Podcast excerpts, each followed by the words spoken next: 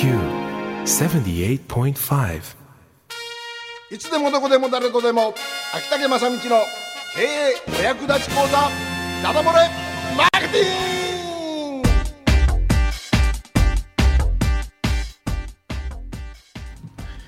はい、時刻は6時を回りまして、えこれこれからのコーナーは 秋竹正道のダダ漏れマーケティングということで今はですね営業心理学という、えー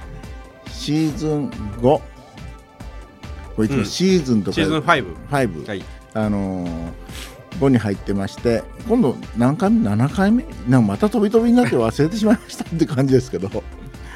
えー、大体12回ぐらいをめどにやろうと思ってるんですが、えー営業心理学ということで、はい。えーまあ、営業営業関係でよく使われる心理学について解説していきましょうということでございます。さあ今日はですね、えーまあ、心理学と言いますか、えーこれ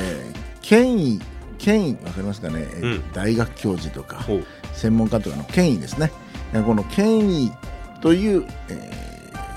権威です、ではいはい。まあ、権威の力というかね、はい。えーそういうことなんでございますが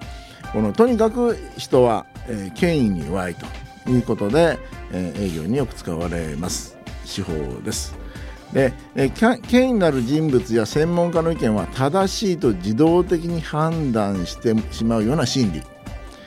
例えば病院でこう医者が出した処方箋をですね、えー薬をですねもう全く疑いなく飲んでしまうというのはこれが権威の影響力が働いているっていうような形になるわけですと、うん。えーまあ何かとですねあの権威は私たちも本当にもう浴びるがごとくそういう権威情報が流れてますね、えー例えば新聞読めばですね、えー何々大学の先生によるとって話がよくありますし、えー専門家筋によるととかですね。朝のワイドショーとかもですねもう必ずのように何かの事件があればそこに何々に詳しいみたいな、えー専門家が出てきあますよね。あそうなんで。すよね、えー、なんとか大学の准教授みたいな、ええ出てきますしもうあのちょっと戦争みたいなものが起きればですね軍事評論家がいきなりドーンと出てきますし地震が起きれば地震が出る。と、はい、えー地震専門家だし原子力の問題から原子力専門家が出ると、ででも意外と予測外れたりしてるんですけどね、うんうんうん あのー意外と予測外れてるんですけどでもその時聞いた時にはもうまさしくそのまんま、えー信じてしまいがちだということなんですよね。でこの営業をする上で やはり新しくえー商売始めたりすると、まず素人というか、えーまあ、もちろん前職でそういう専門家で、あのー経験があるにしてもですね、まあ、新しく始まった店っていうのはえーなかなかその権威というかその営業の裏付けみたいなのはないもんですからね、はいはい。えーあるいは商品にしても新商品とかなか裏付けがなかったりするので、えーそこで大学教授の声を拾ってきたり、えーもらってきたり、うん。あるいは本例えばこう 本当に、えー初めて本を書く著者ですね、うんうん。でも営業ノウハウでこれで何倍売れるみたいな本がですね、うん。出されてもこれ誰が書いたんみたいな世界ですよね。でその時に帯に、うん。えー何々し絶賛とかあのはいカリスマ何々、ますね。えー推薦とか、えー書いてますともうそれだけで、えー売れていくというのもありますしそういうふうに、えー権威を、えー身につけて戦っていくというようなことがよくよく行われることなんですね。であのーまあ権威そんなもんです。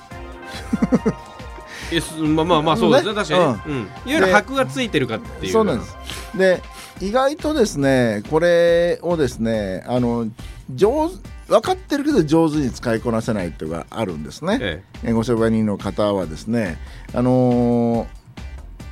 まあこの辺の有名人で例えばちっちゃな町だったらですね町内会長さんが勧めよるよってこれでも実は権威なんですね。え確かにうん、でところがそれをですね、あのー上手に使いこなせないと、えーいうのがありますので、あのっていうかそんなに重きを置いてないっていうのがあるんですね。うん日頃非常に私たちは、えー電ええーテレビとか新聞とかいろんな情報の洪水の中で権威にさらされてですね、えーそれを信じることをとりあえずやってるわけですけどこと自分の商売をしようと思った時にはその権威というものを上手に使う術は知らないしその威力をあんまり感じてないっていうのなんですね。うん逆にこの権威の威力っていうのを感じてしまうとあテレビ見ててもですね逆に冷静にですね、えー客観的に「えそんなん専門家の人がいいそんなんいいよ」って言うけどそれおかしいんやない？っていうような見方もできるわけですけどあんまりにこう鵜呑みにしてもらうもしまうもんですから、うん。えーそういう力が働いていることさえも、えー分からずに、えー逆に自分たちの商売にも生かせないとなっちゃうんで、えーその権威というものをですね改めて、えー重要視してですね使ってみてはいかがでしょうかという話ことなんですね。ということです。はい。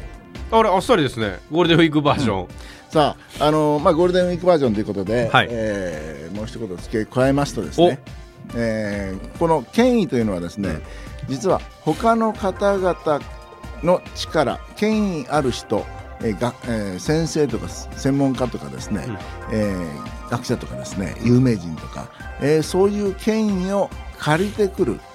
活用させてもらうやり方もあるんですが実は一番パワフルなのは自分自身が権威を持つことなんです。つまり自分が専門家になるということなんです。うんうんうん。そうですね。確かに。そうなんです、うん。えー私はでも今干物屋してますよね、はい。そうしますと干物のことは、えー 一応プロですからとか専門家ですからという形を、えー皆さんが意識してくれればですねあの人の言うことやからっていう話になるわけですね、なのにそれはですね意外と社員店のスタッフにもお客さんはある意味求めてるんですね、えー店員さんに聞いたけど旬は旬の魚はどれなのって言ったら分かんなかったわよみたいな話になって だから本当にこのその職その職業の、えー分野のですね専門家になることが実は求められてて、うん。でそこで専門家であることをを気づけばですねお客さん安心して買ってくれるってことなんですね。ですから私こうやってお話しているこうパーソナリティというのも、うん。ある面この専門家まだ3年目のねはいあのちゃんと滑舌も悪いけれどもえあの人ラジオで喋ってるせんあの要するに放送の専門家だよねって話になりますので、えそういうふうなですねあの専門家として見られるような形をとっていくで、うん。ですね。そういうのがありますので例えば Facebook、うん。それから Twitter ミクシーブログ。メルマガ。はいはい。この辺りでですねいかにすれば専門家として見てもらえるような投稿、あるいは作り込みができるかってこれが非常に重要なんです。そうですね。確かにね。でそこのコツもあったりするんですおね。おだからその辺りをですね、えーしっかりと、えー自分が専門家になる。そして専門家になると要するにコンテンツを貯めていくという意識でですね、えーぜひブログとか、えー、Facebook とかを作っていってもらえればいいかなと思うところでございます。うん。なるほどでじ権威はね借りてきてやるのはいいんだけど、うんうん。あの自分が権威になるのが一番早いです、まあでもよくありますよね。あのなんかいろんなですね商法で、うん。この商品をこう、えー紹介商法みたいなとはいはいはい。これ売りませんかって言って集まってこうセミナーとかあるときにいやこの度、えー例えばえー大きなトヨタさんが、うん。えーこの商品を扱うことになったとか、えー NTT さんがとかありますね。うんうんありますね。えーええ。そんな言います嘘じゃないっていうのはよくあるわけですよね。での販売店がみたいな。はいはいはいはい。もう販売店が1枚絡んできたりするともうそれすでに大きな名前をドーンと出しちゃうみたいなね。あそういうことをしたりしますんでね、えーそういう悪徳系にはね乗らないように、あうん。ぜひぜひ大きな会社の名前出してきたらうんちょっと怪しいかなと思うぐらいでちょうどいいんだみたいな感じで感じてもらえればいいかなと思いますね。はい。はい。ということで今日は、えー営業新力権威というお話をいたしました。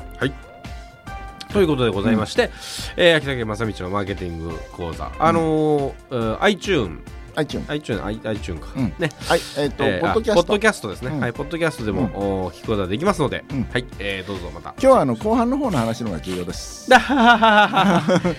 半サクッと終わりすぎましたねなんて言ったからあれですね。うんうんまあでもあれは、あの分かりやすいですよね。うん。はい。はい、ということでございまして、はい。でえー毎週6時からこんな形で、えーやっておりますんで聞いてください。さあそれでは1曲お届けいたしましょう。こちらの曲です